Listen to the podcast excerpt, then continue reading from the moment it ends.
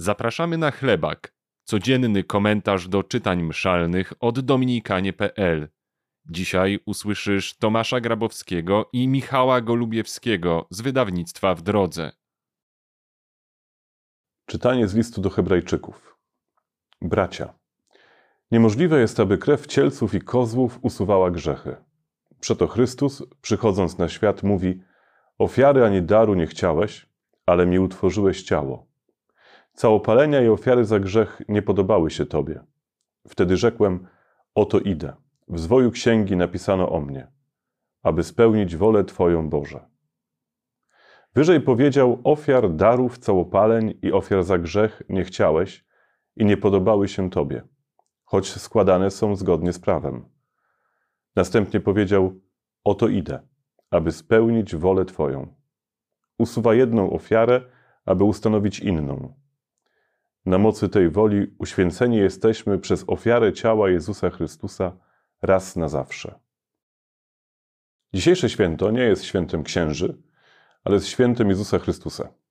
Niestety często tak się dzieje w Kościele, że mamy taką tendencję do tego, żeby różne rzeczy, które dotyczą spraw najważniejszych, wiecznych, niezmiennych, jakoś tak sobie zawłaszczyć i przez to też spłaszczyć.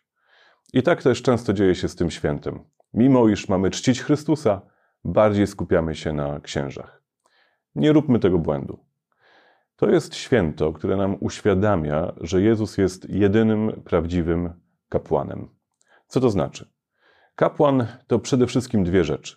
Po pierwsze, ktoś, kto buduje most. Pontifex. Ten, kto łączy dwie strony. Chrystus łączy nas i Boga Ojca. I ten most, który tworzy, to nic innego jak Jego ofiara, Jego krzyż, Jego śmierć.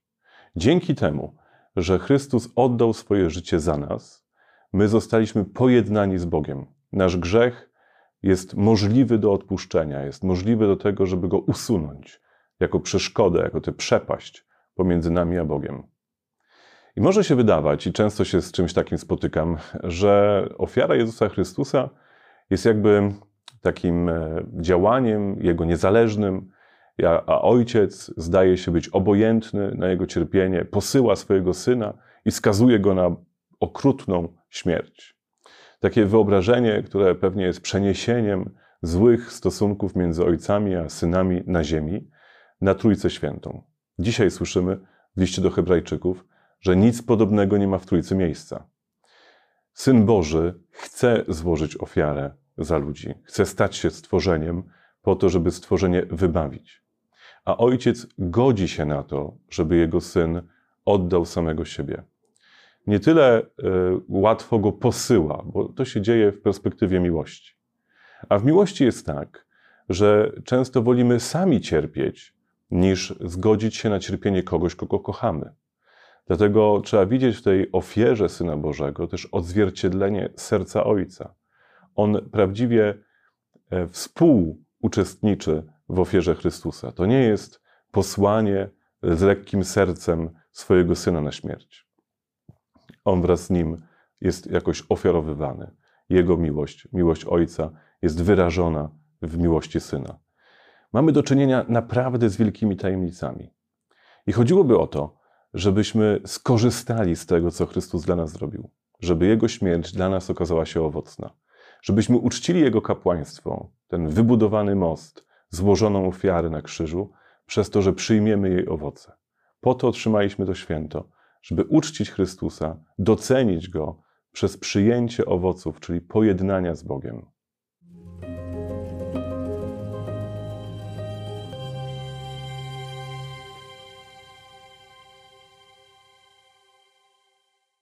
Z Ewangelii według świętego Mateusza.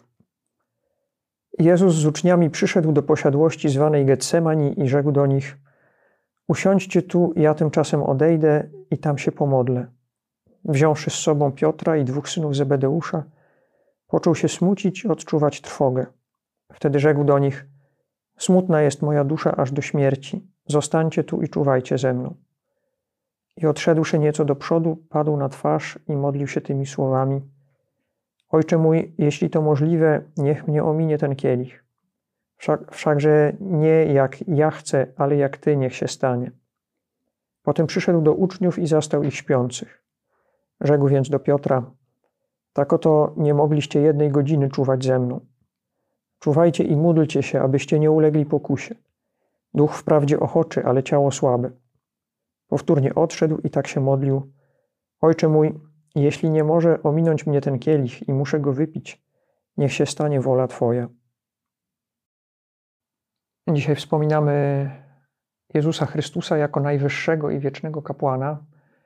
I w Ewangelii widzimy go, kiedy przystępuje do złożenia ofiary z samego siebie. Jak w Starym Testamencie ofiary były czymś zewnętrznym, ofiary ze zwierząt, ofiary, ofiary z płodów rolnych, jakoś symbolizowały to, co człowiek chciał Panu Bogu dać z siebie, ale tu dzieje się coś wyjątkowego. Chrystus rzeczywiście samego siebie ofiarowuje. E, I ta Jego ofiara przypomina nam, że my też możemy się ofiarowywać Bogu w łączności z Chrystusem. E, to się dzieje wtedy, kiedy zwracamy się do Niego w modlitwie i to, co przeżywamy, zwłaszcza to, co trudne, jakoś Panu Bogu chcemy ofiarować. To się dzieje mm, na przykład wtedy, kiedy rano ktoś odmawia modlitwę ofiarowania dnia, powierza cały dzień, wszystko, co się wydarzy, także właśnie to, co trudne, jako ofiarę, y, może nawet w jakiejś konkretnej intencji. I w, w najwyższym stopniu to się dzieje w Eucharystii, kiedy my sprawujemy nasze kapłaństwo chrzcielne przez to, że włączamy się w jedyną ofiarę Chrystusa, że to, co jest w naszym życiu, staje się y, owocne w łączności z Jego ofiarą.